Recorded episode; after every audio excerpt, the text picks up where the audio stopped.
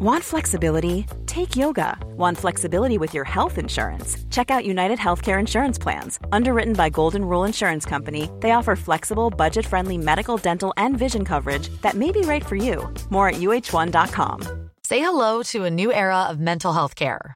Cerebral is here to help you achieve your mental wellness goals with professional therapy and medication management support. 100% online. You'll experience the all new Cerebral Way, an innovative approach to mental wellness designed around you. You'll get a personalized treatment plan from a therapist, prescriber, or both in a safe and judgment free space.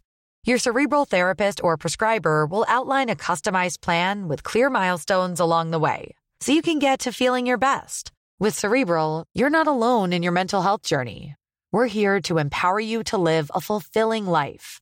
So take that first step towards a brighter future and sign up today at cerebral.com slash podcast and use code ACasts to get 15% off your first month. Offer only valid on monthly plans. Other exclusions may apply. Offer ends July 31st, 2024. See site for details. Vekk, drible vekk.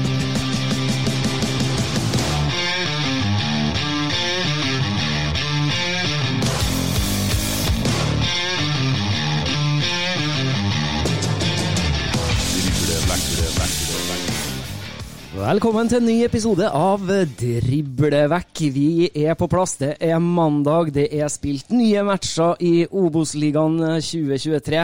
Dem skal vi snakke om litt etter hvert, men vi skal også ha med oss en fin, fin gjest først.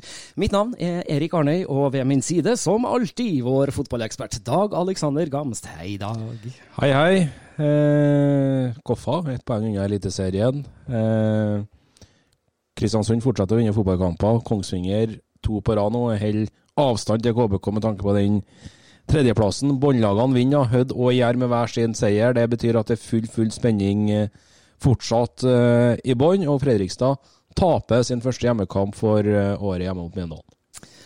Spenninga den lever fortsatt den i Obos-ligaen 2023, og en som har eh, vært med og gjort det spennende gjennom sesongen, og som viste seg fra en meget god side i eh, går, det er vår gjest i dag. Han er en 38 år gammel legende i norsk fotball. Hjertelig velkommen til oss i eh, Driblevekk, Adem Given. Tusen hjertelig takk. Tusen takk. Yes, eh, kjempematch av eh, Kongsvinger i går. Kan du eh, ta oss litt gjennom eh, matchen for, for din del? Nei, det var en bra kamp. Det var eh, godt å se at eh, vi er tilbake på det vinnersporet igjen. Så nå har vi vunnet to kamper på rad, og kampen i går var jo fortjent seier. Vi var godt, godt som et lag. Og, vi, og jeg skåra ut etter to, så det var positivt det. Det krydra, litt på seieren.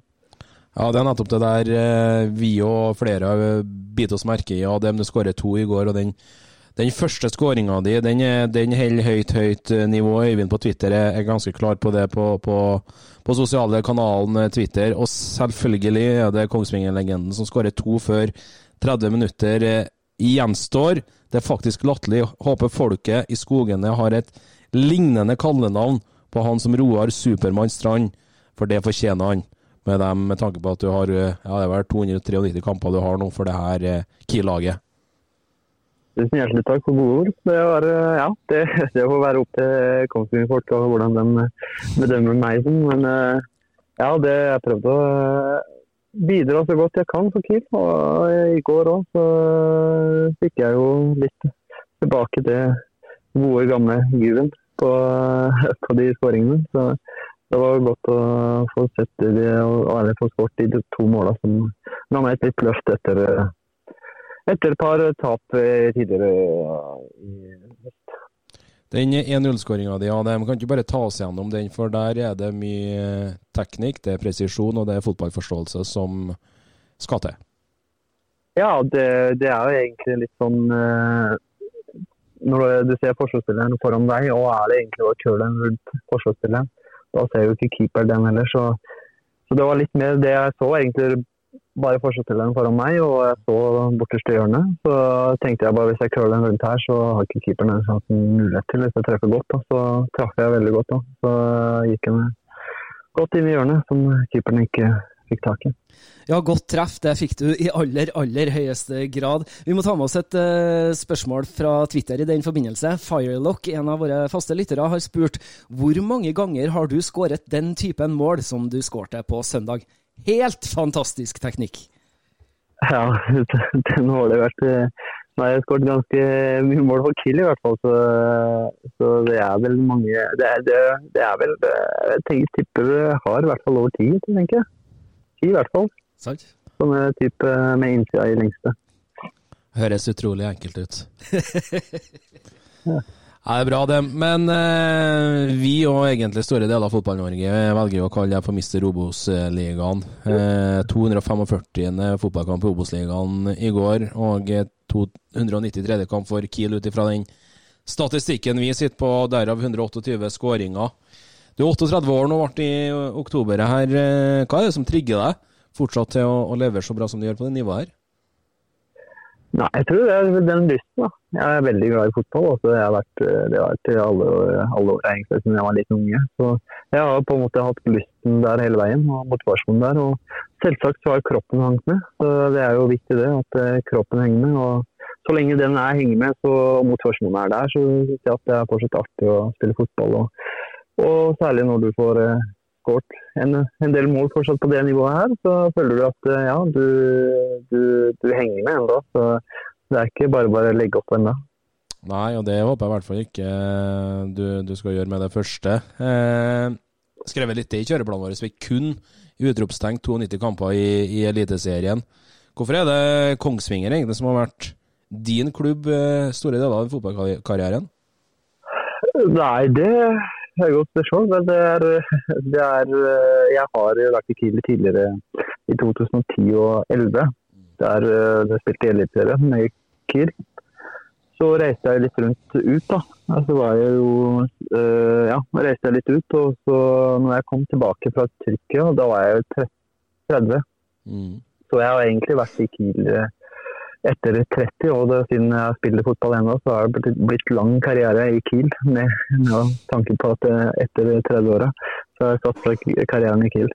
Så, så, har jeg jo trivdes godt, veldig godt her. og Fin klubb, og jeg har familie og barn som trives godt her, som har gjort sånn at jeg har valgt å være her og ikke Selv om jeg har hatt tilbud eller, eller tilbud fra Eliteserien, så har jeg valgt å være her.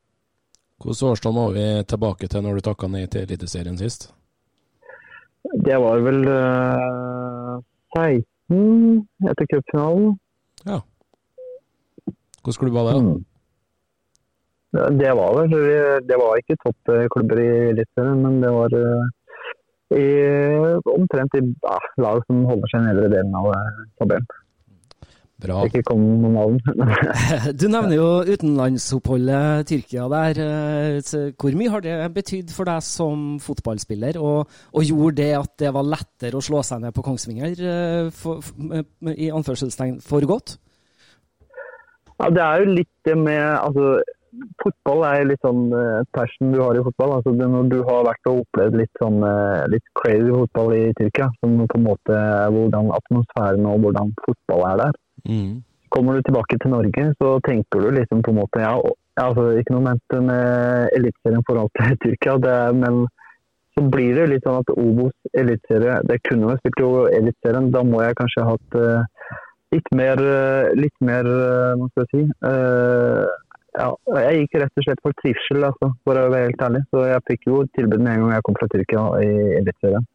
Så, men da hadde jeg akkurat operert både nese og kravbein, som jeg var litt ute i et par måneder før sesongen var slutt. Og, så jeg var ikke i god form, og sesongen var jo i gang i Eliteserien. Så, mm. så, hadde jeg jo mulighet Fikk jeg jo eh, på en måte litt vanskelig for meg å komme inn rett inn i et eliteserielag. Da måtte jeg bruke litt tid, og da valgte jeg å bruke litt tid på Kiel. Og så fikk jeg jo Espen, da, som har egentlig klart å lure meg eh, litt, litt godt.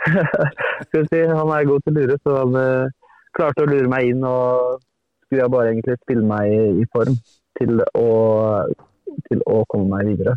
Så ble jeg her siden da. da. Så gikk det jo ganske bra med cupfinale og playoff og alt det der. òg. Jeg gjorde en kjempesesong. og Da følte jeg at jeg kan ta en sesong til. Så siden da så har jeg bare skrevet ettårskontrakter hele veien. Så. Ja, men det er ikke deilig å kunne forhandle litt hvert år, da? Det sa du. Er ikke det litt godt å kunne forhandle hvert år? Ja da, det er jo god, fint det, men det er jo begge veier, da. Så det er litt sånn, men litt sånn at uh, du kan jo bare dra helt gratis. Men etter, etter de åra her så er det ikke noe fare, fare for klubben at jeg går gratis. Men uh, at uh, det blir Men det er, vi har vært litt lojale og litt er stolt på hverandre med klubben. Altså, det er liksom at det er jo fint, fint å ha et år så etter om gangen der du vet at du kan legge opp når du når som helst. Ikke sant. Og, mm. Chris Robin Eriksen har spurt oss på Twitter her har du fått noen tilbud fra klubber du sa nei til, men i ettertenkt har tenkt at åh, hvorfor tok jeg ikke det tilbudet?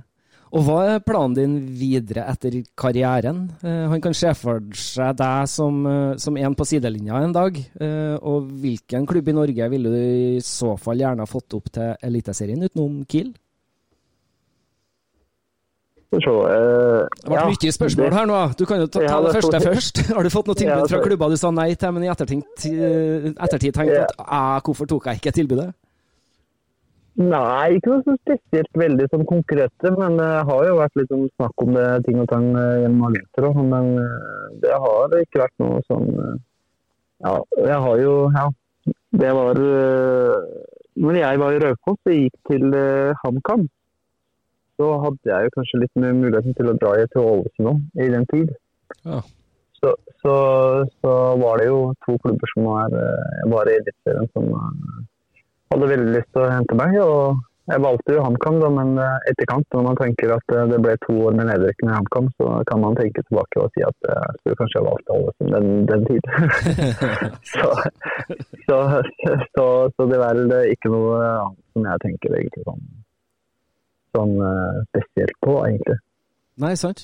Og så spør han jo videre hva planen din videre etter din fotballkarriere er. Uh, han sier jo det at han kan se for seg deg på sidelinja en dag. Ja, ja det, det har ikke egentlig bestemt meg for noe ennå, men uh, ja, det ærlige er ganske fortsatt, som du sier, at jeg, som jeg sa tidligere, at jeg er veldig glad i fotball. og jeg, som jeg, Selv om jeg er 38, så føler jeg meg som en liten unge på banen. Så. Mm. Så, så, jeg har eh, fortsatt den lysten. Og om det skulle være på sidelinjen etter karriere, så hvorfor ikke? Hvis det er mulighet til det, så, så, kan jeg bidra med det kunnskapet jeg har hatt i alle åra. Eller erfaringen jeg har hatt i alle åra. Kanskje jeg får bidra litt med på sidelinja. På. Ja, det vet jeg aldri. Okay. Tiden får vise. Nei, sant. For at uh, Thomas Halvorsen han spør oss på Instagram blir det en sesong til. Ja. Det er for tidlig å si det kanskje nå, men uh, jeg tenker altså hvis det så lenge kroppen holder, så er jeg fortsatt lysten til å fortsette. Ja, for det er flere som lurer på det. Gylterud har også spurt uh, hvor mange sesonger har Adem igjen på toppnivå? Ja, nå er jo Ikke vær sjenert. Nei da, men det er, det er, eh, Du ser jo fortsatt uh, folk uh, har spilt. Og jeg har jo spilt med Johnsen i Odd. Så han har jo spilt til 40, han var jo toppskårer i Eliteserien på 40 år. Han eh, var med på landslaget, og det er fortsatt håp. Så tar jeg han som et eh, forbilde, så eh, kan jeg spille i hvert fall opp til 40. Hvor langt har du kommet i forhandlingene med Nystuen om 24, da, Adem? Nei, det er som regel det, det tar vi når vi er etter ferien. Ja, tar du på, tar på bank, ja. banketten og skriver under på servietten? På banketten og skriver. Ja, det blir nok det. Det er vel det siste jeg vet. Ja. Du, det er godt å høre. Eh, fast lytter fra Fredrikstad, Trond Halvorsen. Eh, vi har jo sendt Fredrikstad opp til Eliteserien, eh, og han snakker litt om, i forbindelse med det, da, om du hadde trodd at Fredrikstad skulle være så overlegen i årets Obos-liga, altså med tanke på at dere leda ligaen etter halvspilt frem til sommerferien, og du fiksa 1-1 i sluttminuttene borte mot eh, Fredrikstad i siste match før eh, sommerpausen her? Ja, har, eh, altså, de har vært solide. Altså. De, har vært, de har nesten ikke sluppet inn eh, mål tidligere i vår. Altså. De, var, eh, de, var, veldig solide bakover. og De, de var gode. De, går jo opp som fortjent. Det gjør de. Så De har vært det beste laget i Obos, Obos i år. Så Det var eh, når, vi, ja, når jeg så til EVM og at vi var forbi dem på tabellen, så trodde jeg nok, det visste jeg nok at de kommer til å henge med hele veien. Men uh, de hang med, men det var vi, som ikke hang med. Så, så etter før så, så det, Nei, de går opp fortjent, og det har vært det beste laget. Og, så nei, det var et bra lag. Bra. Vi skal komme litt eh, tilbake til ferden til Kongsvinger denne her sesongen, Ade, men litt først om, om deg. Eh, starta egentlig jeg vil si, proffkarrieren, i hvert fall seniorkarrieren, i, i Raufoss her tilbake i 2002. Men kollega Arnøy, vi satt og leste litt i sted her. Vi gjorde det, for på Wikipedia Adam, så står det at ungdomsklubben din het for Kolstad fotball. Eh, er Adem Gyven trønder? Det stemmer nok, ja. Jeg har jo eh, At du er trønder? Jeg, ja, at jeg er trønder. Jeg har jo bodd der i ni år. Det var jeg. Fra jeg var fem til jeg var 13. Så, så jeg spilte uh, ungdomsfotballen der, da. På en måte fra ja, til jeg var 13. Da. Så, så, så flytta jeg til Raufoss. Da var det familien som flytta, så hang med. Sant. Men det var en artig fun fact for oss her i Driblevekk, som sitter her i Trondheim og, og ja. lager denne podkasten. Så det var, var morsomme ja. nyheter for oss. Jeg har fortsatt uh, onkler og sånn i Saupstad. Hvis du vet Ja, Saupstad, vet det. Kolstad. Yes. Saupstad. Så, det, så det er uh, Jeg har slektninger der enda, så det er for muligheten til å reise dit, så gjør jeg det. Og så det er fint. Jeg trivdes godt i Trondheim. Det er bare å ringe på når du skal oppover, sånn at du kan komme i studio og være gjest da, vet du. Det skal jeg få gjøre neste gang. Det, det kanskje blir litt bedre. Herlig, det. Men ok, bake da til Raufoss-tida, da, som starta i 2002, når dere flytter da fra, fra Trondheim og ja, de neste 21 årene der vi er i dag. Det, det, det, har blitt mye Kongsvinger, det har vært litt i HamKam, det har vært litt i Odd, og du har òg vært eh, i Raufoss. Kan du fortelle oss litt om, om fotballreisen din da, fra da det starta på Toten i, i 02 og til, til, er, til, der du er i dag? Ja, det kan jeg gjøre. Jeg startet, som jeg har sagt, uh, i Raufoss. Og det var uh, ja, det var kanskje den første kampen jeg spilte da jeg var 18 år. Uh, da var I den tid het det Adeccoliga, Var det feil Så var det Adeccoligaen. Så fikk jeg inn altså Jeg var jo hospitant eh, fra juniorlaget opp mot A-laget, så da fikk jeg en mulighet til eh, å spille en, Kom inn på mot Sandefjord borte. Det er den første kampen jeg spilte i Obos i 2004. Ja, eller noe sånt. Mm. Så, så, så rykka jo Raufoss ned det året. Så, så, spilte jeg jo Da fikk jeg proffkontrakt, eh, eller andredivisjon, eh, som ja, Post Nordligaen som det heter nå spilte jeg to år, jeg skrev treårskontrakt med Raufoss og spilte to år i andredivisjon med de. Så rykka vi opp andre året til Obos-ligaen, som det heter nå. Så spilte jeg min siste år på kontrakt i Obos-ligaen, eller Adeccoligaen som det tidligere heter. Så ble jeg, kom jeg på årets lag i ja, Obos-ligaen. Så, så, fikk jeg en del tilbud om som både fra HamKam og Ålesund. Og da, da, var jeg litt tidlig ute med å avgjøre. Jeg hadde jeg venta litt, kanskje hadde fått noen flere muligheter. Men jeg ville jo, hadde ønsket å spille i Eliteserien. Så valgte jeg å gå til HamKam. Det var litt mer sånn at det er første gang jeg skulle flytte hjemmefra. Og, og spilt litt fotball litt ute, utenom uh, utafor Raufoss. Så var det HamKam som var nærmest. Så beslutninga kom jo litt ned på det òg. Mm. Så valgte jeg å spille HamKam, og det var det to sesonger som ja, det var ikke For min del så følte jeg at eh, jeg fikk altså Første sesongen var i Eliteserien og fikk mye spilletid og spilte ganske mye. og Fikk vist meg litt frem og oppi der. Og så gikk det jo ikke helt uh, som, som, vi ville. Og så ble det to år med nedrykk. Så når HamKam gikk ned i andre divisjon, så så fikk jeg tilbudet fra, fra Kongsvinger. Mm. Da, da, valgte jeg å Det var eliterende tid, så valgte jeg å gå dit for å spille eliterende igjen. Ja. Og så hadde jeg grei lønn i HamKam som eh, de, kunne, de fikk lo meg dro for at jeg hadde egentlig et år til. Så fikk jeg gå gratis. Så valgte jeg å gå til eliteserieklubben som Kongsvinger var i den tid. så var det et år der, da. Nei, to år der òg. Så da ble det nedrykk. Og det ble mange nedrykk på en gang i, Ja, i den det. perioden. Jeg husker- Ja, det ble det. Det, altså. Så var det jo, men det var jo kanskje forventa med at eh, det skulle, skulle klare å holde oss i Eliteserien med Kongsvinger, som akkurat rykka opp. Så ble det nedrykk, og ett år i Obos-ligaen nå, så reiste jeg ferden videre til eh, Odd, Grenland, det het den tid. Og, og så spilte jeg, og da signerte jeg med Odd eh, ett og et halvt år for at jeg hadde ambisjon om å reise til utlandet eller Tyrkia eller så jeg reiste, signerte sånn at jeg kan gå, kontrakten gå ut i, i sommer, ikke i desember. Når klubbene skal ha noen spillere, så at jeg har fått muligheten til å reise. Ja, riktig. Mm. Ja, så, jeg, så, så signerte jeg jo ett og et halvt år, så spilte jeg jo ett og et halvt uh, under Fagermo der. Og var det siste halvåret eller, så reiste jeg og fikk et tilbud fra Tyrkia når, eh, i sommer, når sommeren kontrakten gikk ut. Mm.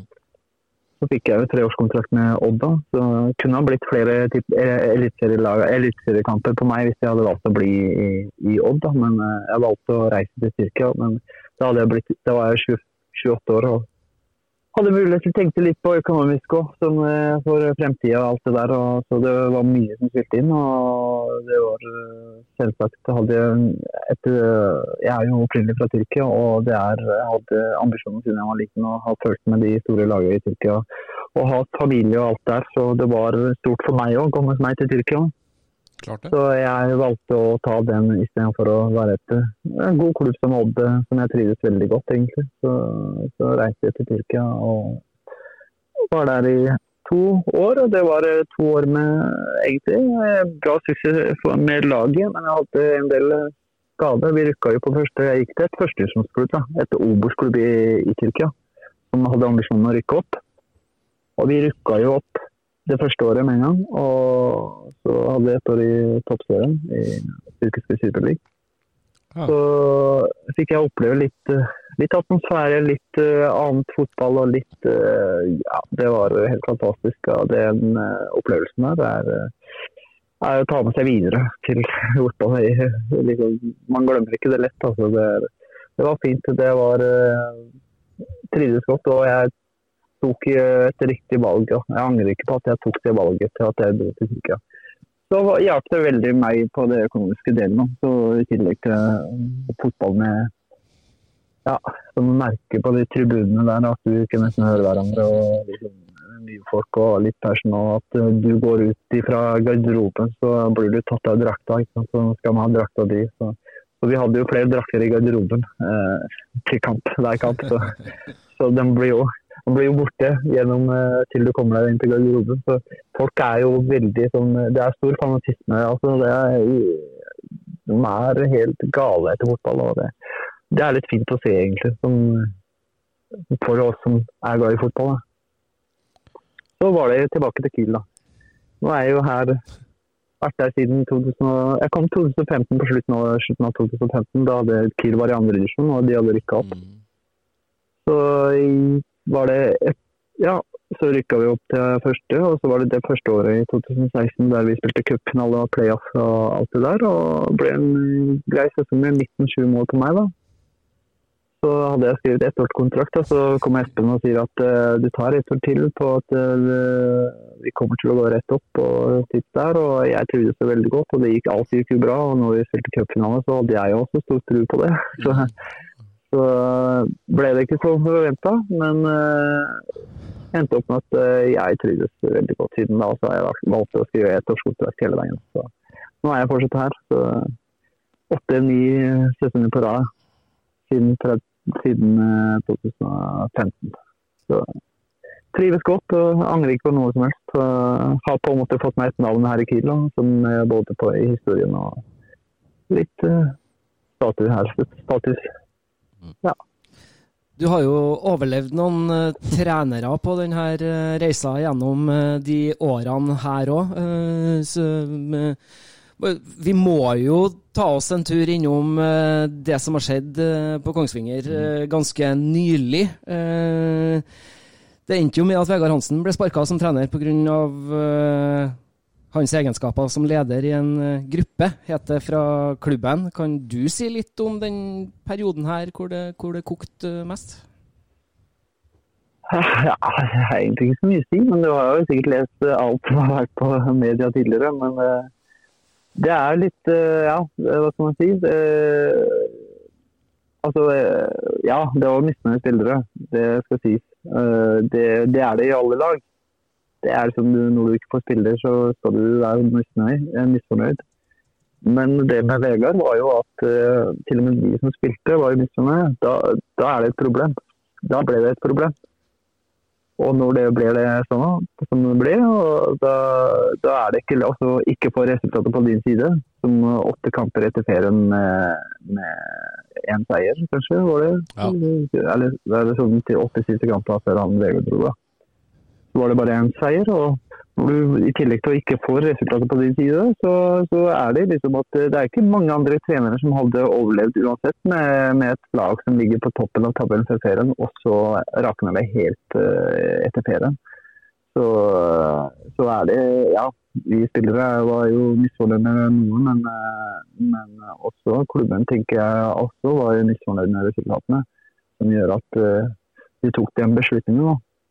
Ja, for det, det som jeg har lurt på mye i denne eh, saken av dem, det er jo at det kommer ut i media at det er misnøye blant grupper. Eh, Nystuen snakker litt om det, Vegard Hansen går ut og snakker litt om det, at eh, dere hadde et solid oppvaskmøte. Han skal gå i seg sjøl og ja.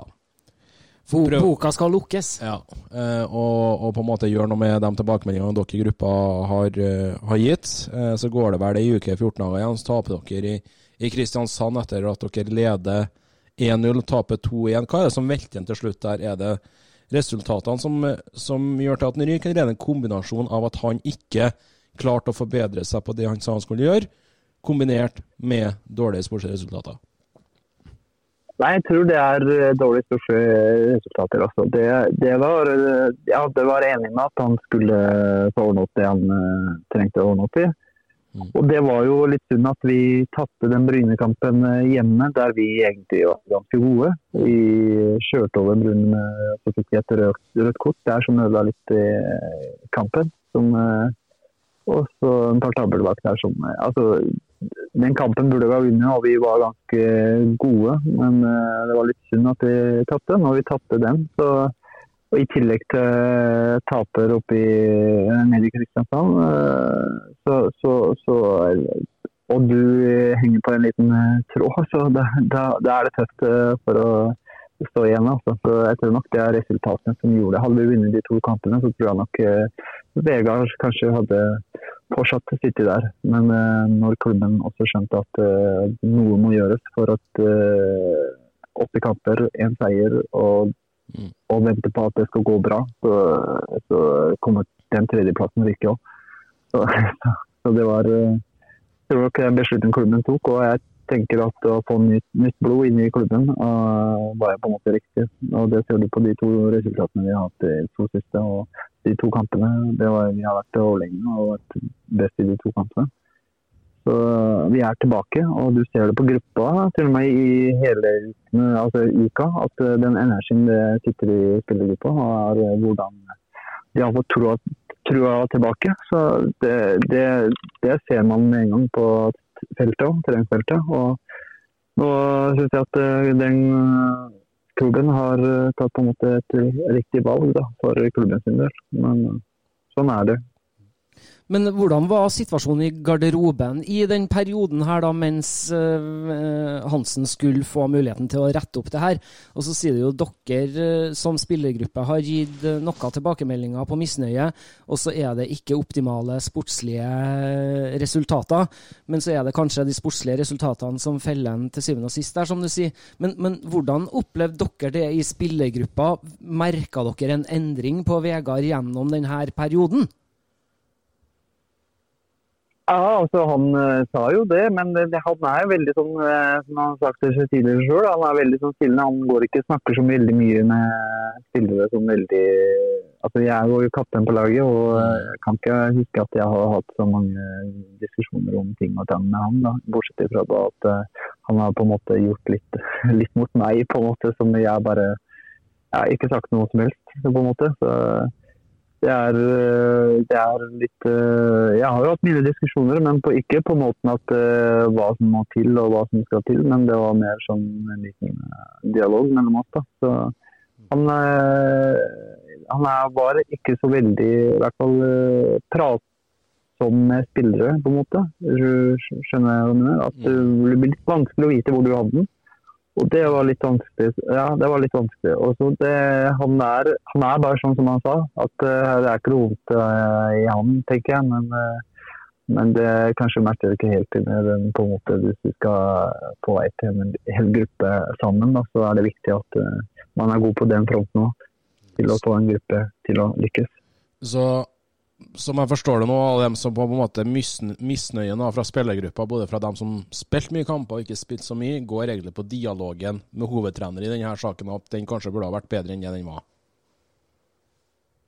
Det også er det vel selvsagt du, du vet, I et fotballag så er det alltid sånn det, Jeg har vært i den gamet her eh, altfor lenge, og så er det alltid prat. Det er spillere altså om De som ikke spiller, sitter og snakker om uh, ting og tang, ikke sant. Mm. Som burde kanskje ha fått spilt.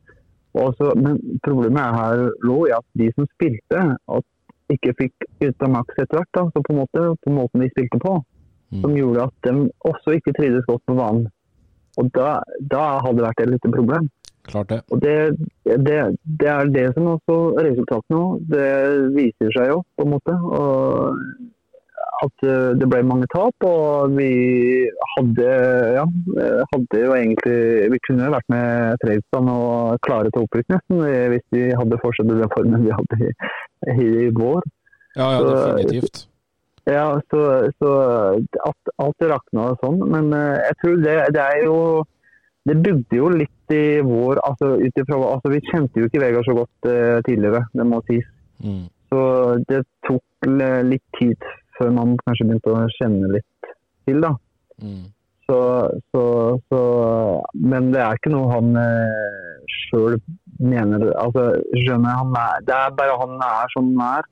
Og det, som jeg sa, det spiller kanskje ikke så godt inn i en uh, gruppe med sånn, som forventer noe fra en trener. Som, uh, men personlig, jeg tror som han sa tidligere, han er veldig ærlig og sånn. så, eh, men det, kanskje i noen tilfeller så er det greit å ikke si det. Si ting da, som er ærlige, som rett ut på en måte. Som eh, kan eh, gjøre sånn at eh, det får misnøye i gruppa og alt det der. Ikke sant? Så, Ja. Føler jo at du veldig har svart ut spørsmålet her fra Sebastian Sørli, som spurte oss på Instagram kan vi få høre en spillers perspektiv på Hansen-sparkinga. Men eh, vi, vi må jo se litt på det som er nå i dag etter det her. Ja da, definitivt. eh, Det må vi gjøre. Og Johan Wendberg er inn i Åsane-trener har blitt eh, hovedtrener. Eh, Hvis du, Adem, da, eh, kan peke på de største endringene han har gjort etter han eh, overtok? Nei, hva skal man si? Han har jo vært der med Vegard, da. Så det er eh, Altså, ja, jeg veit ikke helt eh, det, han, det som er at jeg tror nok gruppa, selve gruppa, har hatt fått trua litt tilbake. Mm. Og Johan kan jo mye om fotball. Han er eh, veldig fotballsmart, han òg. Så han uh, har sine bidrag, selvsagt. Men uh, det største her er jo at uh, gruppa begynner å få trua tilbake. Og, og tror på det vi driver med akkurat nå. Så, så, så, som gjør at uh, vi får, får det ut på banen. Som, uh, men Johan, som sagt, og Erga, uh, Magnus Erga, så Mm. han, eh, han nå er veldig fotballdyktig òg. Så begge to sammen har jo på en måte har gjort det egentlig, fått gruppa til å tro. Jeg har godt likt i gruppa, hele gjengen. Altså, de, de er to gutter som eh, er veldig godt likt i gruppa. Og, og, men det skal sies at det, det er ikke bare at den skal være likt, godt likt, eh, men det må også ha eh, taktisk smart. Da. Så det hjelper ikke bare å være snill og flink da, på en måte, med gruppa. I tillegg så må trenger du å være litt uh, god trener som fotballmester. Nei, nei, nei, definitivt ikke. Det kommer, det kommer ikke vi unna. Ja, ja, jeg Eh, skjønner ikke det. Eh, litt, litt om hvordan dere som gruppe nå, da, sammen med de, de her to guttene i, i Vennberg og, og, Magnus, eh, hvordan dere jobber for å komme tilbake i den gamle stimen dere hadde i vår og sommer. Eh, er det noe du kan peke på der, eller? Nei, jeg tror vi har blitt litt sånn Ja. Det er en diskusjon som jeg hadde litt sånn ja, Vi hadde litt med Vegard og litt på, på måten vi vi gikk opp i press og sånn, så, så, var jeg mye liksom, på en måte, jeg, jeg, i hvert fall som, Jeg fikk jo ikke spille etter hvert, eh, på en måte, eh, etter ferien. Mm. Så ble jeg jo på en måte litt benka pga. at han var ikke fornøyd med på måten jeg pressa, ville presse. da. Så, så det, det, var jo Da sa jeg det er fint, og da vet jeg det, at det, det er på den måten. og så så, så, var det ikke noe spesielt. Da, da la, la, vi det dø, og så var det sånn som det Men så endte opp med at det hjalp Altså, det gikk jo på en måte til slutt eh, litt sånn med Men resultatmessig ble det ikke like bra. Og det var ikke bra i hele tatt. Mm. Vi tapte jo så mange kamper. Og, og jeg som person som spilte jo seks, sju, åtte kampene før ferien, som hadde skåret i hver eneste kamp. Mål skåret i hver, hver kamp. Og vi har vunnet de kampene. Sju, sju, sju-åtte kamper. 80 kamper og skåret sju mål eller noe sånt, eller noe sånt i hvert fall. Ja. Før ferien. Ja. Hvis det ikke var sju kamper og seks mål. Inkludert, inkludert den, den, den Fredrikstad-kampen der vi skåret 1-1-målet. Så vant vi jo som sagt sju kamper og pluss uh, uavgjort mot Fredrikstad er jo som seier uh, på bortebane. Uh, I hvert fall den situasjonen Absolutt. vi var i da. Så kommer kom vi rett etter ferien, og rett etter ferien så var det jo første Første, vi fikk jo gode spillere som Hol Andersen og, Hol Andersen og uh, Elias mulig å type uh, spille med. Og det endte opp med at uh, han valgte å uh, ja, ikke bruke meg så veldig mye, da. Det, det gjorde han ikke. Og det er ikke det er, jeg er den type som Jeg skjønner at jeg er 38 nå, så jeg er blitt satt inn på sidelinja, så jeg aksepterer jeg det. Men uh, når resultatet ikke sier noe, på en måte når du har prestert, så er det liksom på en måte litt vondt òg. Jeg har blitt uh, på en måte behandla på den måten man blir. Og det, det, legger jeg jo egentlig lett ja. Nei, jeg hadde, jeg, hadde, jeg hadde, noen fight med han sånn sett, men det gikk jo greit. Og vi, var, vi er jo ikke sånn type Hva skal man si kunne små, små fight om det på måten han ville.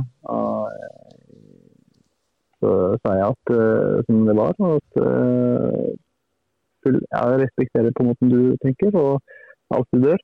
Så jeg jobber og prøver å si meg hva du vil at jeg skal gjøre og jeg skal bli bedre på. Da blir vi enige. Og så var det til slutt endte opp med at det ikke ble, ja, ble ikke bra som lag. da. Så ja, nei, hva skal man si. Så det er det som er uh, forskjellen på at Erga og uh, Johan da, har vært litt flinkere på måten de har sett, liksom hørt på litt spillere òg, på en måte. Hvordan man skal på en måte hva som fungerer på banen. Typ, i forhold til det måten, Hvis det er noen uenigheter, at vi på en måte snakker sammen. At vi finner et løsning sammen. Da, på en måte. Som, ja, gjør at, eh, som, som, gjør at, Det er selvsagt det er en trener som har eh, ansvaret, hele ansvaret. Det er han som bestemmer til slutt hva som skal være hva. Så, så, så er det jo de som tar det avgjørelsen. Men eh, sånn sett så føler jeg at Nei, det, de er ganske flinke ellers. Har veldig mye kunnskap og fotballkunnskap. Og det er ikke sånn at vi altså noen spillere har trua på den på måten han tenker, og, og, og han, de tenker på at vi skal stille, passer alle bedre spillere. Ja, Det er jo veldig interessant det du forteller i denne settingen. og det er Bare kort tilbake til når du, du, snakker litt om uh, samtalene du har med Vegard Hansen. Hva er reaksjonen hans når du kommer med dine tilbakemeldinger til han? Rett og slett at det står svart på hvitt. Vi skårer mye mål med meg på banen, og vi vinner fotballkamper. Nei, det er jo liksom det Fotball er jo liksom det Du kan ikke ha elleve like spillere på banen. ikke sant? Og du kan ikke forvente at alle skal være den samme type spiller heller. Så, så det, du trenger litt forandringer eller type spillere. Som, uh, så har du noen som kan skåre mål for deg, og så har du noen som kan løpe veldig mye. Altså, altså løpe krige, krigespillere. som kan være sånn oppstillspunkt. Og noen er flinkere på å, å lure seg unna med i boks og skåre mål. Så det er mange forskjeller, og det spørs hva du vil ha. og det, det er jo det da Vegard var litt mer opptatt på. At han var- ønsker jo spillere som, eh, som var sterke og gode med oppspillspunkt. Så jeg er ikke den type spiller. nå. det, altså, respekterer det. altså, det var den. Men så, så sies det selv at på en måte på banen når det ikke fungerer, på måten han vil ha angrepsspillere på, Mm. så, så, så ja, hva skal man si? Det, det er vel det som er Alle har sin egen spillestil, og jeg passer ikke så godt inn i Vegard sitt system, på en måte. da. Og det endte opp med å bli som det ble. Vi skal bevege oss en tur innom litt eh, flere lytterspørsmål, vi, rett etter det her. Say hello to a new era of mental health care. Cerebral is here to help you achieve your mental wellness goals with professional therapy and medication management support. 100% online. You'll experience the all new Cerebral Way, an innovative approach to mental wellness designed around you. You'll get a personalized treatment plan from a therapist, prescriber, or both in a safe and judgment free space. Your cerebral therapist or prescriber will outline a customized plan with clear milestones along the way so you can get to feeling your best. With Cerebral, you're not alone in your mental health journey. We're here to empower you to live a fulfilling life. So take that first step towards a brighter future and sign up today at cerebral.com slash podcast and use code ACAST to get 15% off your first month. Offer only valid on monthly plans. Other exclusions may apply. Offer ends July 31st, 2024. See site for details.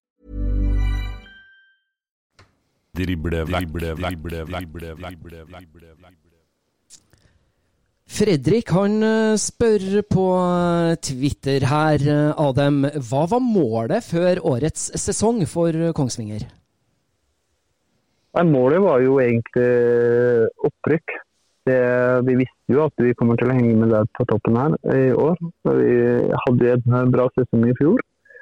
Som spilte jo finale, eller opprykksfinale mot Sandefjord og tapte jo den. da. Så, så tenkte vi jo på at eh, vi har ambisjoner til å Vi klarer det hvis vi har jo stort sett det samme laget. og at egentlig litt svakere Obos, og- eller Obos eh, egentlig, for lagene som er der. Var, vi hadde jo Brann og Stabæk og sånn tidligere, så vi klarte å komme til finalen i, i. I år så var det liksom på en måte følte jeg at eh, de lagene som kom ned fra Eliteserien, som Jerv og Kristiansund, er vel kanskje et eh, godt lag som kunne kjempet toppen. Da. Men eh, Jerv har egentlig vært eh, I mange år som jeg har vært i Obos, så har det vært en, et lag som hang på topp seks i, i Obos. Så fikk de å lure seg et år opp i Eliteserien. Så, så nå er de tilbake der i, i Obos. da. Så visste vi jo at det er et lag som vi kunne slå. Altså de lagene som rykka ned. Så vi kunne komme foran de. Og hvis vi klarer å komme foran de, i tillegg til at vi har vært oppe i, i de fleste åra, så tenkte vi at det var gode muligheter for å rykke opp. Og det, det var ambisjonen å rykke opp. Og nå ligger vi egentlig fortsatt godt an til, Ja. til det. Der var du tilbake igjen. Det skjedde noe med lyden din der, Adem. Du var litt lenger unna oss et lite øyeblikk her, men nå, nå tror jeg vi hører deg veldig greit igjen. Skal vi se. Inne igjen, eller? Hallo. Hallo? Der. Nei, jeg hører ikke. Du hører oss ikke? Skal vi se. Der. Der. Der var vi tilbake, Der, vet du. En liten sånn eh, teknisk utfordring her, og så er vi på plass Ja. igjen, vet du. Ja. Nei, men det er bra. Eh, fortsetter litt da med din karriere i Kongsvinger, og han som har lurt deg nå siden 2016 i hvert eneste år, Espen Nystuen. da. Eh, hvor mye først og fremst betyr Nystuen for klubben Kongsvinger? Jeg hører jeg ikke. Nå er det ordentlig Skal vi se. Der, da? Der hører jeg. Ja, så bra. Ja. Der er vi. Vel, bra. Vi fortsetter litt eh, med Kongsvinger og Adem Gyven. Eh, Du har en person som heter Espen Nystuen som har lurt deg nå siden 2016 hvert eneste år om å fortsette eh, karrieren i klubben. Kan du si litt om hva Espen betyr for, for Kongsvinger? Nei, Espen han har vært veldig viktig for Kongsvinger. Han har, altså, jeg har vært i Kongsvinger tidligere, i 2010 og 2011. Da, da var det et økonomi som eh, ja, vi måtte ned i lønn. Hvis, hvis ikke, så prosentlønn. Og så 15 prosentlønn. Hvis ikke klubben hadde gått ned, så hadde de blitt, gått i konkurs. Fra den tid så har jo Espen på en måte løfta Kongsvinger til et eh, et, eh, et ganske godt økonomisk klubb, da, som har til og med kjent om å hente inn spillere på millioner. Så, så, så det er Han har gjort en kjempejobb økonomisk sett, og sportslig, nemlig. Han er veldig flink. Han kan jo mye om fotball sjøl, og han eh, henter inn spillere, spillere som er eh, kanskje ikke koster så mye, men som har gode kvaliteter. Som har hjulpet oss å holde oss der oppe eh, i Obos lenge. Han gjør en kjempejobb både på Han er alt mulig mann, som sagt. Han er overalt. Nei, han har vært viktig. Han er, eh, han er flink til å lure folk òg. Så han er lurt. Det er jo god egenskap å ha som leder. Absolutt. Um, Jeg hører ikke. nei, vi sliter litt av det med at uh, du ramler litt ut for oss. Uh, Kan jeg spørre Hør, hører du meg nå? Nå hører vi deg kjempegodt. Ja, ok. da. Ja, hørte du meg nå i stad, eller er det bare det? Vi hørte deg, men du hadde litt lavere volum. Du var litt lenger unna oss, men, men uh, vi hørte hva du sa. Ja, ok. Ja, det er bra. Og det er det aller, aller viktigste. Eh, litt om forholdet ditt da, til Espen Nystuen.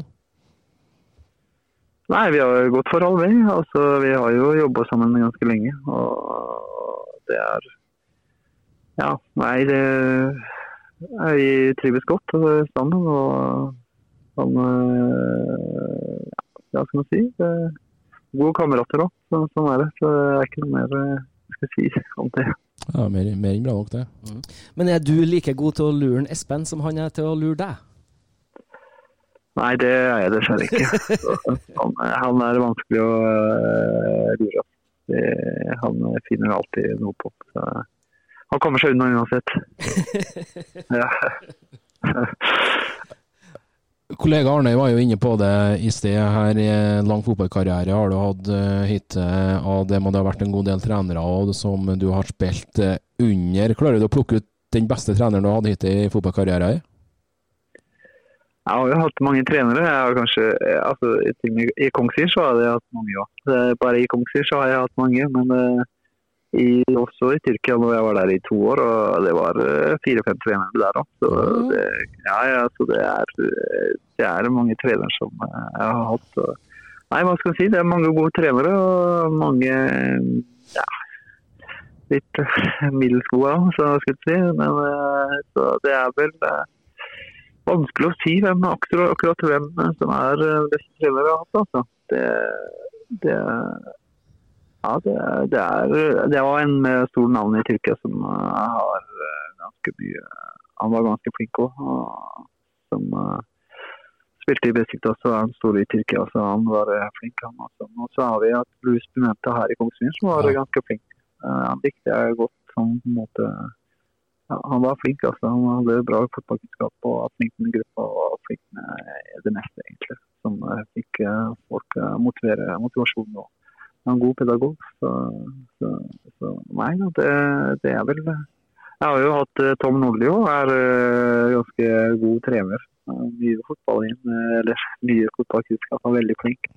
Sånn sett han har jo hjulpet meg å få mine ferdigheter ut òg. Så Nei, det er mange. Jeg har hatt mange. Vi har jo en del sånne faste spørsmål som vi driver og, spør våre kjære gjester. Eh, og et av dem er jo beste spiller du har spilt med. Men eh, han Eivind han har tatt den litt lenger på, på Twitter her, og så spør han deg hvem er den beste spilleren du har møtt i Tippeligaen og Eliteserien? Eh, Og har du et spesielt minne fra en gang du har blitt rundspilt? Ja, det må man huske på det, da. Men eh, jeg har jo spilt uh, i Eliteserien mot mm.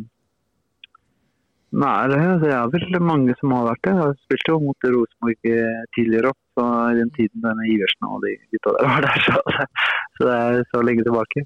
2016-sesongen, ja.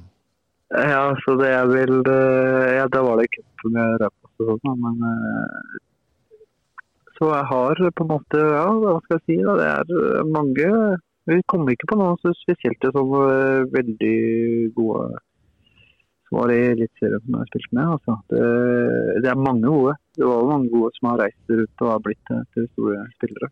Så jeg kommer ikke på helt hvem. Hvis vi trekker bort Eliteserien av beste spilleren du har spilt med, Med ja. det, det, det også er mange, altså. Det er, det, er, det er mange, men eh, det er eh, Ja, kanskje ikke med veldig store navn, men eh, det er vel en del Kanskje Wellington, hvis du vet det. Han, så- han brasilianer som spilte i Spartak Moskva, som spilte i Salmen i Tyrkia. Han var veldig god. Altså, veldig god spiller, men litt useriøs. Men men han hadde sine kvaliteter.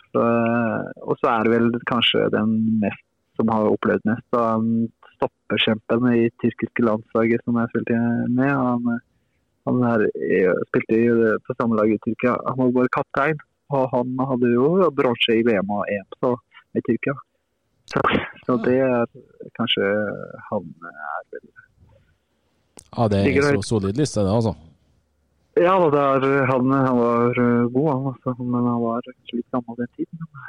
Men eh, det er en stor, eh, stor stopperkjempe som var veldig god for både Tyrkia og for oss den tiden eh, i Tyrkia. Så, så er vel, ja. Hva- er navnet på han stopperen igjen nå?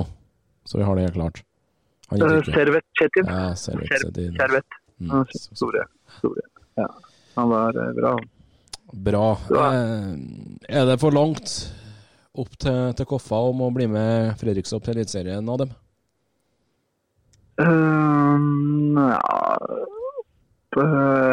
det, det er kanskje litt øh, altså Nå er jo Koffa vært solide, jeg tror ikke de går på noen smeller øh, på de to siste kampene. Men det lever jo fortsatt. Det gjør jo det. Så, så, så i teorisk sett så lever det ennå. Men Koffa tror jeg nok og Fredrikstad blir vel de to lagene som går rett opp som det ser ut. Så, så skal vi prøve å holde på den tredjeplassen.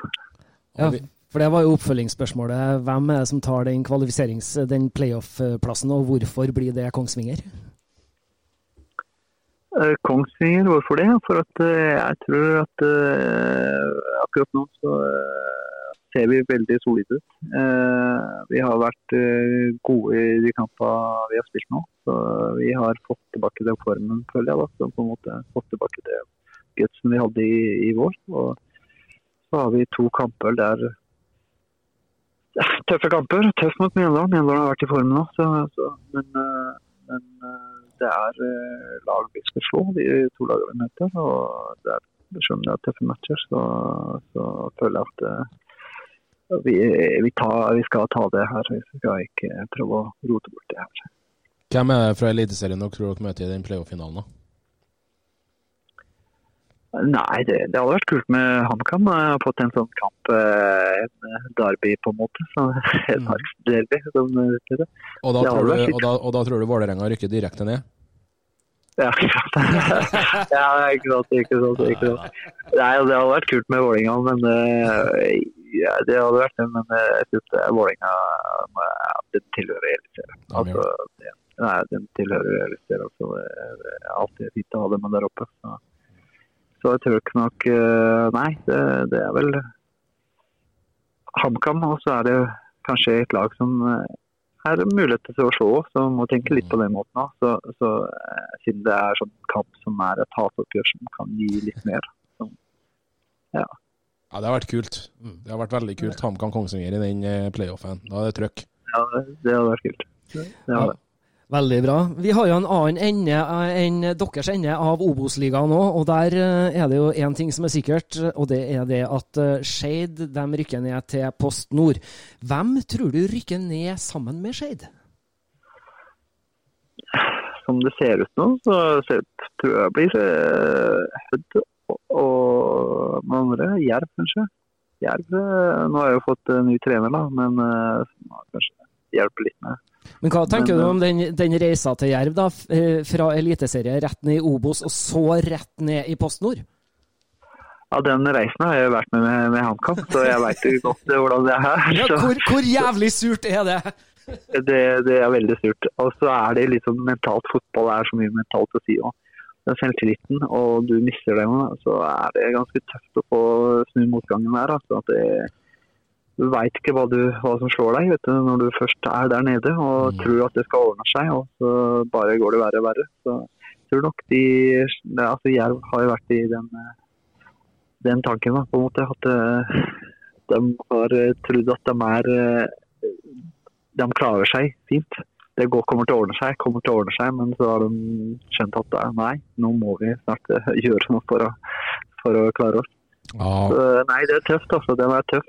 Den, det ser ut som at uh, de har jo litt uh, tøffe matcher, tenker jeg. Er det ikke? Litt, uh, jo, det, ble jo helt, det, her ble jo helt vilt, egentlig. For, for til helga nå så er det jo Jerv Åsane i Grimstad. Ja, og, og Start har sikra playoff-plassen nå i, i Obos, og de reiser til Ulsteinvik og møter Hødd.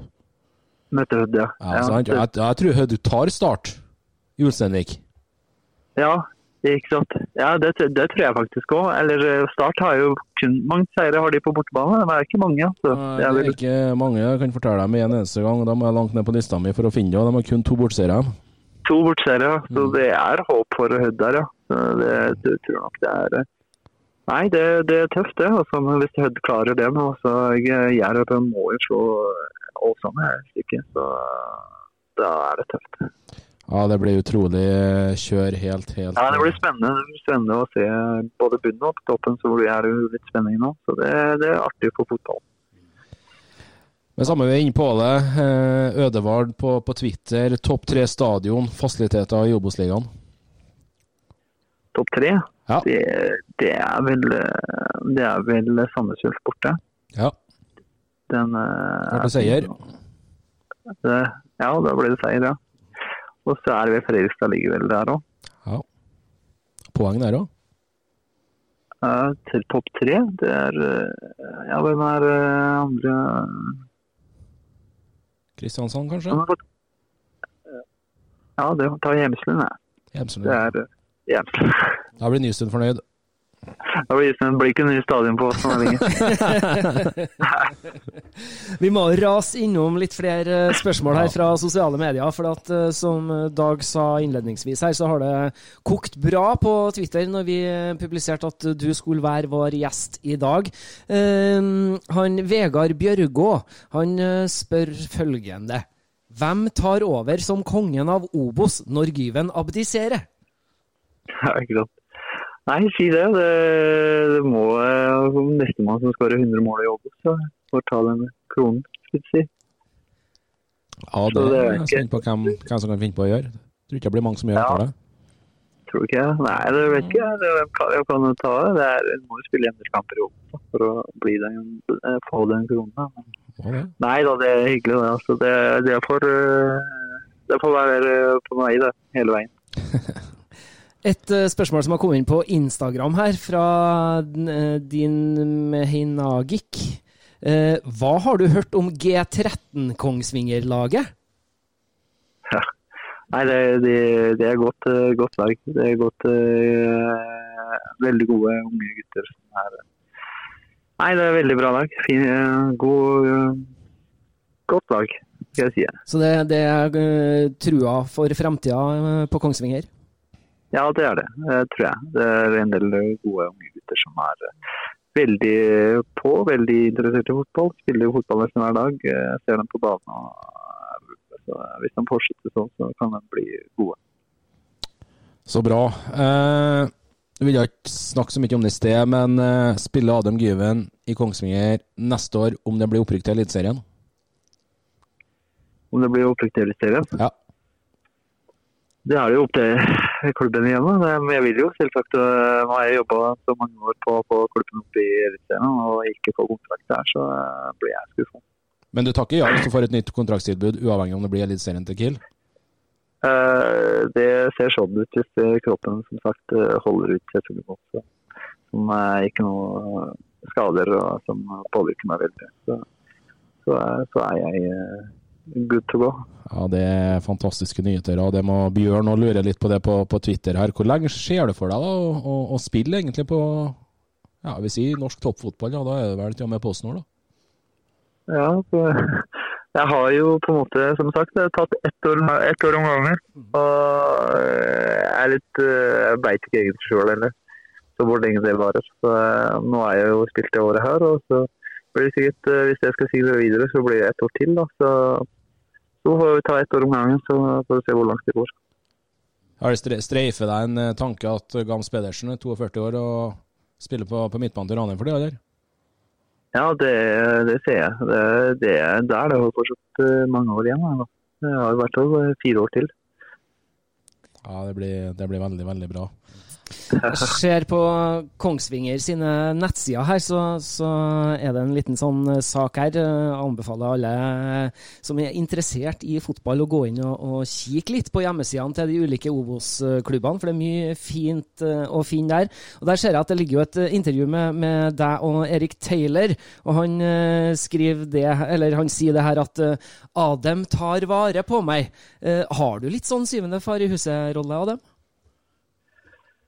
Ja, eller ja, ja, egentlig Ja, jeg har en uh, liten ja. Jeg er jo uh, Jeg er jo en som egentlig eh, setter meg sjøl inn i eh, deres posisjon før jeg eh, gjør noe. Altså, når de kommer nå i spilleveien her som jeg ikke kan språket engang og er litt sånn for seg sjøl, så, så viser jeg eh, Da tar jeg vare på å prøve å han til å trives godt og på en måte sette meg sjøl i hans eh, posisjon. Da skjønner jeg at eh, hvor tungt det kanskje, har vært for meg å komme til et gruppe der hvis ingen skulle snakke, ingen skulle eh, ta imot deg på en eh, god måte, så hadde det vært tøft. Så det er sånn jeg har tankegangen når når det kommer nye spillere som, ikke, som prøver å få inn i gruppa, få inn i klubben og få til å trives godt. eh, Så, at, eh, så bidrar på banen for oss, selvsagt. Så, så det spiller jo sammen alt.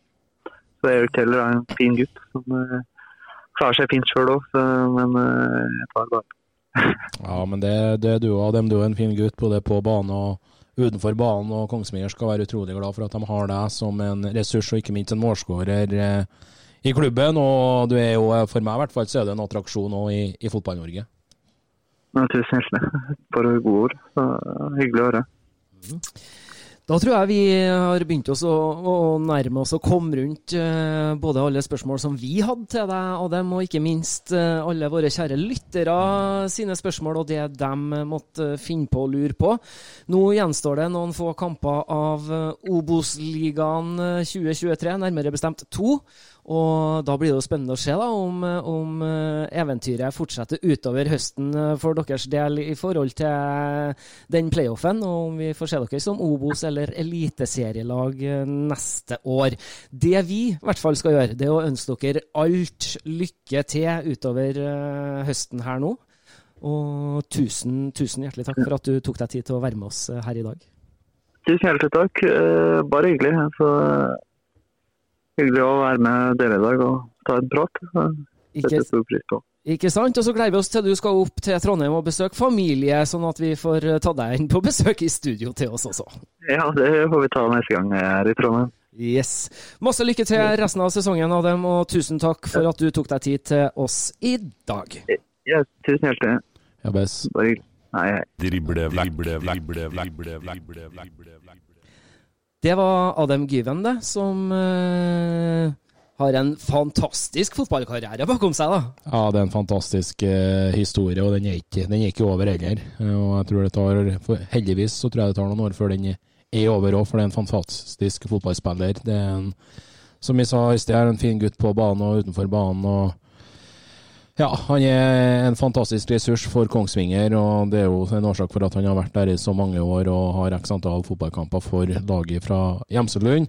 Så blir det som du sier sjøl, Arne, det blir spennende å følge Kilo i, i, slutten her. Og blir det HamKam mot Kongsvinger i de to playoff-kampene, så tror jeg fort vi må ta oss på toget vi over retning Hamar og, og, Kongsvinger. Det hadde vært skikkelig kult, faktisk. Ja. Vi, får, vi, får, vi får se litt på det. Det får vi. Eh, vi var jo innom det her eh, runde 28 av Obos-ligaen 2023, eh, hvor Kongsvinger hadde besøk av Sandnes Ulf, som, som, måtte avslutte kampen med ti mann på banen, og røyk på da et tap for hjemmelaget. Det ble 4-0 til Kongsvinger, og to mål av vår kjære gjest i dag. Det ble det. Inne, inne på banen igjen. og som han gjorde på en måte før sommerferien og fortsatte å, å skåre mål. og Nå er han oppe på, på ti, ti, mål i Obos-ligaen hittil i sesongen. Jeg tror ikke han er ferdigskåra heller, eh, med tanke på at vi har igjen to, to, matcher igjen. Og så ble det utrolig avgjørende Adam Gyven for Kongsvinger òg i det her playoff-racet. Det vil jeg nok absolutt tro at den eh, vil komme til å bli. Vi eh, hadde jo satt noen tippetegn før denne runde 28, og på lørdagen så var det god stemning. Ja, var... Vi skal ta oss en kjapp tur gjennom de matchene. Shade hadde besøk av Jerv, og der hadde vi satt tippetegnet B. Og matchen den endte 0-1 med seier til Jerv, altså borteseier. Drømmestart for Lars Bohinen i sin første kamp som Jerv-sjef, der oppgaven hans er å unngå at Jerv rykker ned til PostNord, og for så vidt unngå en, en playoff òg. Det starter bra. De vinner borte mot Skeid på Nordre Åsen. De ja, var litt på kanten på tampen her. Det var store Skeid-sjanser, men de slapp med skrekken. Diabate fortsetter å skåre mål for Jerv, og han blir viktig nå for Bohinen på tampen her for å sikre ny kontrakt for laget fra Grimstad. Så får vi se om Diabaté får med seg også Samuel Pedro inne på topp der uh, på tampen og, og er med å berge Jerv. Kamp nummer to av eh, vår eh, lørdags-Kinderegg eh, denne helga, det var Sogndal som hadde besøk av Koffa. Og der hadde vi også satt tippetegnet B, vi, og det endte jo selvfølgelig som vi hadde sagt. Det ble uh, 3-0-seier til KFM over Sogndal. Ja, det er knallsterkt. Koffa tilbake på vinnersporet etter 0-0-matchen mot Raufoss. De hadde fem strake seire i forkant av av uavgjortkampen på Ekeberg mot Vollemark sitt mannskap, men i Saftbygda så er de ja, de er gode.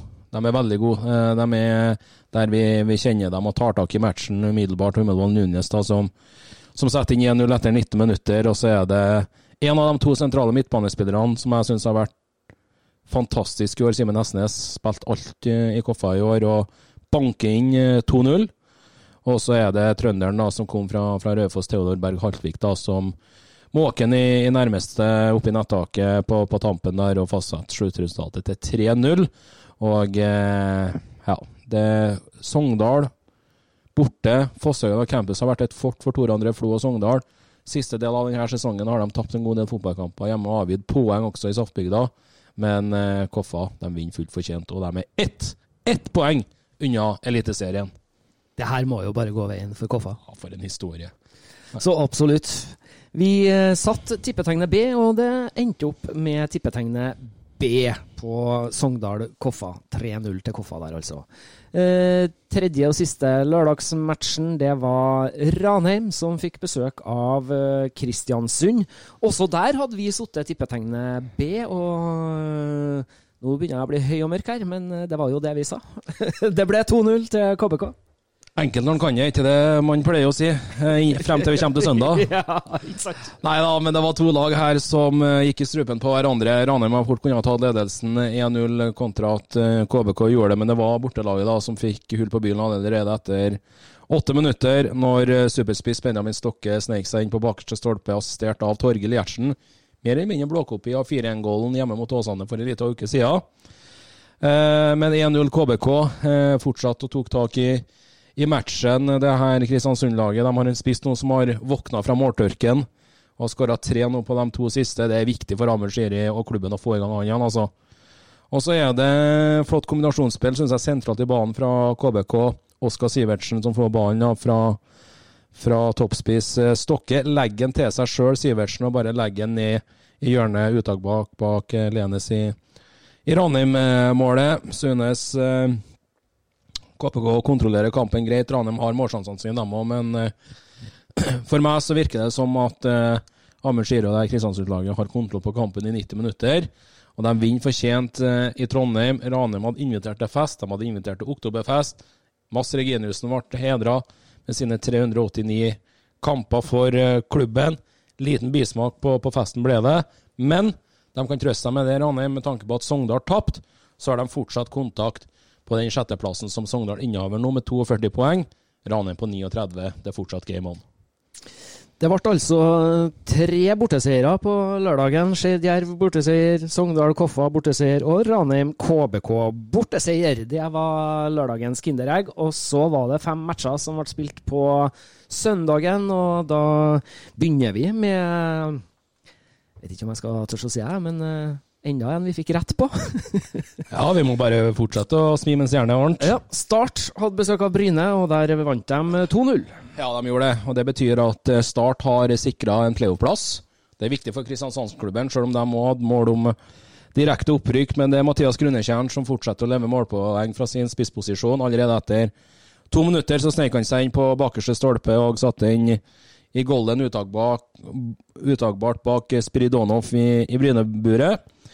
Og eh, Bryne hadde mye sjanser. Både Grønli og Robert Undheim var farlig frempå, men klarte ikke å overliste eh, keeper Silva Torkelsen. Og da endte det til slutt da med at Start satte spikeren i kista med Alaji Sang-Yang som dobla etter 78 minutter. Og 2-0 til Start. Vinn hjemme i Kristiansand, det er viktig for dem. Og da kan de begynne å konsentrere seg om, om playoff-fotball eh, om tre uker her. Ikke sant? Og så var det da kamp nummer to på søndagen. Der var det Åsane som hadde besøk av Moss. Og Dag, hva er egentlig som har foregått i helga? Vi fikk jo rett på den òg. Ja ja, men vi kan jo dette, ikke det? Ja, Vi skal passe oss nå, for det kommer en runde til helga. ja, det gjør det. Men det var gledelig for Moss, som er tilbake på vinnersporet. Det har vært en stygg periode, for de har sluppet inn åtte mål på de to siste matchene. 0-4 hjemme Fredrikstad, 4-1 borte Åsane ble snudd til 2-1 hjemme mot Moss. Erling Flåte Myklebust da med to skåringer. Den tidligere Vard Haugesund-spilleren eh, markerer seg på skåringslista igjen. Ikke gjort det siden 1.9. Da vant Åsane, riktignok borte mot Skeid 1-3 på, på Nordre Åsen, men eh, han setter inn både 1 og 2-0 på 12 minutter. Eh, Myklebust, og så er det Aleksandersson da, som reduserer ett minutt før full tid. Men det var altså ikke nok, og det betyr at det er ja, Det er så jevnt nede i bånn der, men uh, det er en viktig seier for Åsane da, med tanke på at Jerv òg vant. Det betyr at Åsane er på 33, Jerv er på 30, og Moss har blanda seg nedi der på 34. Moss mot Fredrikstad i neste runde. Ja, og Åsane-Jerv ja, fytti katta, sier jeg bare for et uh, race på tampen her. Ja, det blir fryktelig spennende. Og jeg tror i tillegg at Hødd tar start i Ulsteinvik, da. Sant. Og da vil jeg si at da er Hødd oppe på 32. Det koker godt nå. Så et drømmescenario her da, for å få det helt helt spinnvilt i, i runde 30, at Hødd slår Start opp på 32. Jerv slår Åsane opp på 33, og Åsane blir stående på 33. Og Moss blir stående på 34 mot at de taper Fredrikstad. Da blir det mye neglebiting. det ble altså hjemmeseier da, til Åsane over Moss. De vant 2-1. Og så har vi jo tatt for oss eh, matchen mellom Kongsvinger og Sandnes Ulf. Der hadde vi satt tippetegnet H, som det også ble. 4-0. Og så har vi de to siste kampene her. Det var Raufoss som hadde besøk av Hødd, og der hadde vi også sittet en eh, hjemmeseier. Det er den første eh, vi tok feil på denne runden her. Ja, og uh, det er egentlig litt uh, synsbetydende òg, uh, at båndlagene skal plukke poeng uh, litt på tampen her. Vi har, jo egentlig avskrevet Hødd nå et par runder. Mm. Men Torbjørn Kallevåg han har høygravid kone hjem, så han kjørte privatbil ned til Toten. Og han i tillegg så assisterte han på den ene skåringa vi fikk i kampen når Lillo da hedda inn 1-0 etter 49 minutter på første stolpe. Og det klarte jammen meg Hødd å holde unna med òg, etter et uh, trykk fra Raufoss. Fagernes og eh, Jonsgaard hadde sine målsjanser, men eh, de holdt unna det utrolig sterkt. Hødelaget har fascinert meg litt òg denne sesongen. De har slått Koffa borte. Nå tar de Raufoss i en utrolig viktig match. Det er Obos-ligahåpet for Hødd. Det lever i beste velgående, Arne. Det gjør det så absolutt. Det ble borteseier på Nammo. Det var Raufoss-Hødd 0-1.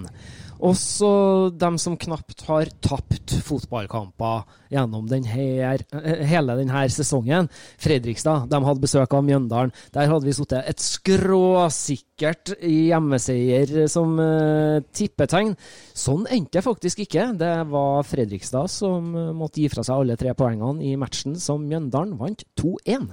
Ja, eh, jeg må være ærlig på det. Det er jeg veldig overraska over. Selv om vi visste at det her Mjøndalen-laget var i form. De har tre seire nå på de fem siste, kun ett eh, tap. En Thomas Kinn som har holdt eh, nullen, er det vel, i de tre siste, bortsett fra nå i helga.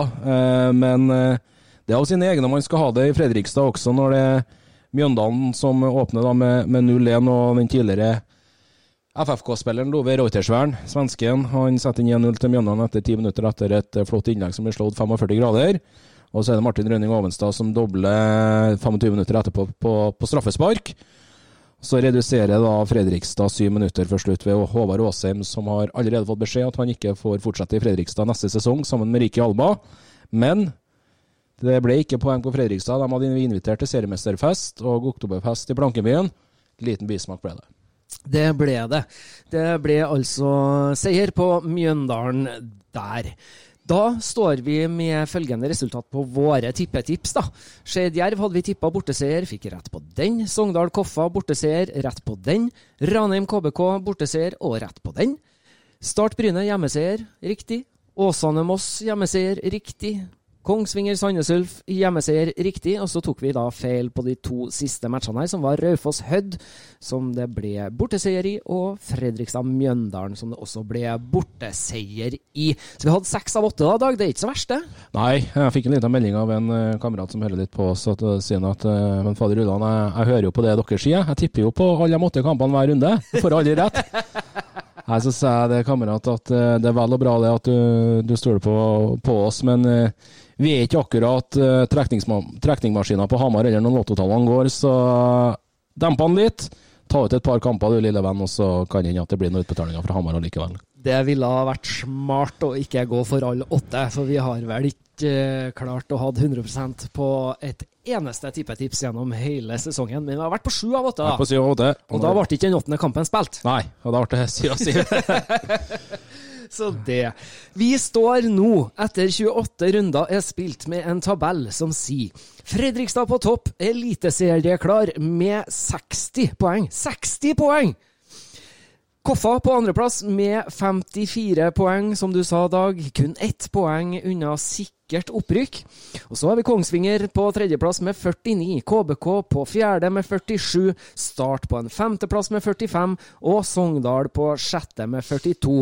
Deretter Ranheim på 39 på en sjuendeplass, som har muligheten enda til å sikre seg en uh, kvalifiseringsplass. Eh, helt opp til dem sjøl, og kanskje litt opp til andre. Ja, Sandnes Ulf borte til helga og Hødd hjemme. Den siste her, Hødd hjemme, altså. Det, det kan jo være to dager som har alt å spille for. Det kan det så absolutt. For vi har jo en eh, bunn på tabellen som eh, er ganske så tett, hvis vi begynner fra tiendeplassen, der Raufoss ligger med 35 poeng. Ellevte Sandnes Ulf med 34. Tolvte Moss med 34. 13. Åsane med 33.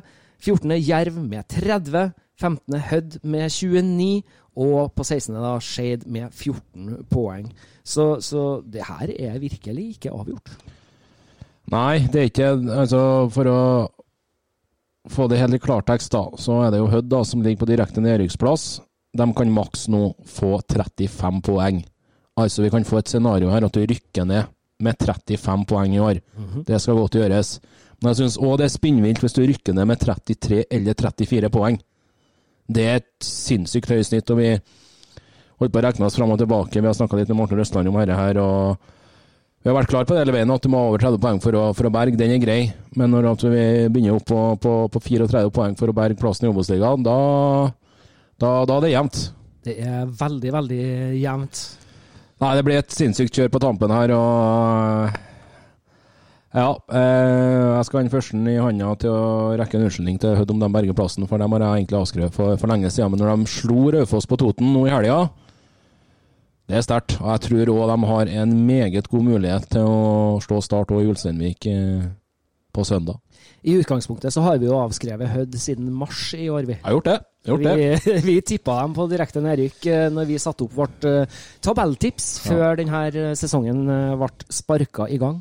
Vi har gjort det, og vi har egentlig avskrevet Moss, som hadde en vanvittig første sesong i Obos. Nå er de riktignok dabba litt av på, på tampen her, er på 34 poeng. Fredrikstad nå til helga hjemme på Meløs. Eh, ja, eh, men eh, Nei, nå må man bare strekke begge hendene i været og bare ønske alle sammen lykke til, og så får vi bare telle opp den 12. november. Absolutt. Og allerede nå før helga så skal jo vi driste oss ut på et nytt eh, tippetips i Før runden spesial. Og da er det jo matcher som spilles på søndagen, alle åtte kampene. Ja. Og da er det Moss som tar imot Fredrikstad. Det er KBK som får besøk av Raufoss. Hødd får besøk av Start. Sogndal skal på besøk til Bryne.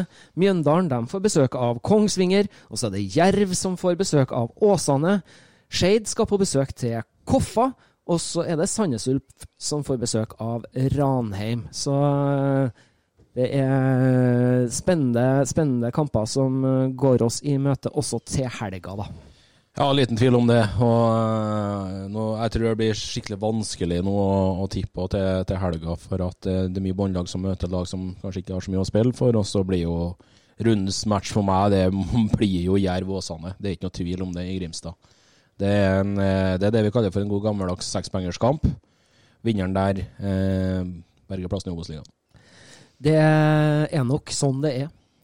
Vi skal avslutte for i dag, vi. Vi takker for følget. Anbefaler alle å gå inn på nettavisen.no og finne masse, masse Obos-stoff der. Du kan også se alle Obos-matchene på direktesport.no. Vi må rette en takk til våre samarbeidspartnere Hufs og Stjørdal Autosalg. Også en eh, oppfordring. Gå inn i sosiale medier, følg oss der på Instagram og Twitter. Der heter vi Driblevekk. Der kan du også sende inn spørsmål til våre gjester. Du kan uh, komme med innspill uh, som er med å gjøre podkasten vår bedre. Vi vil ha med dere lytterne på det her. Så følg oss i sosiale medier, og gjerne medvirk i Driblevekk. Da, Dag, tror jeg vi skal takke for oss for den gangen her. Ja, vi skal det. Det er ikke noe tvil om at sesongen begynner å være med i sending. Det begynner å bli kaldt. Jeg våkna opp til 11 minus i, i morges. Det er kaldt å være ute på, på match, og det, både som tilskuer og for så vidt jobbe litt i media her. og Det er noe med det å bo i Norge. Vi begynner å bekke november nå i uka her, og vi skal jo holde på da med, med playoff og hele sulamitten her til ut i desember, men det er noe med årstida i Norge. og Selv om spillet varmer, så er det kaldt allikevel nå. også. Det er det, så her handler det bare om å kle seg godt. Vi ønsker alle våre lyttere ei fortsatt god fotballuke. Takk for følget for denne gangen, og så er vi tilbake før helga med Før runden spesial. Takk for følget. Drible vekk, drible vekk,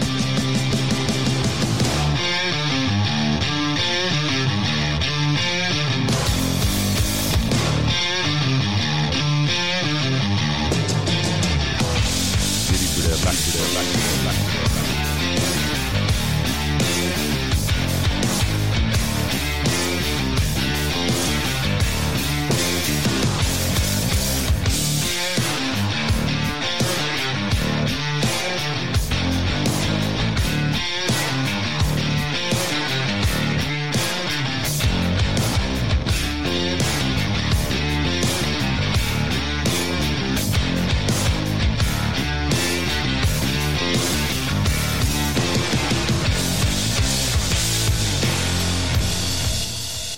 blibble, blibble, blibble, blibble, blibble, blibble,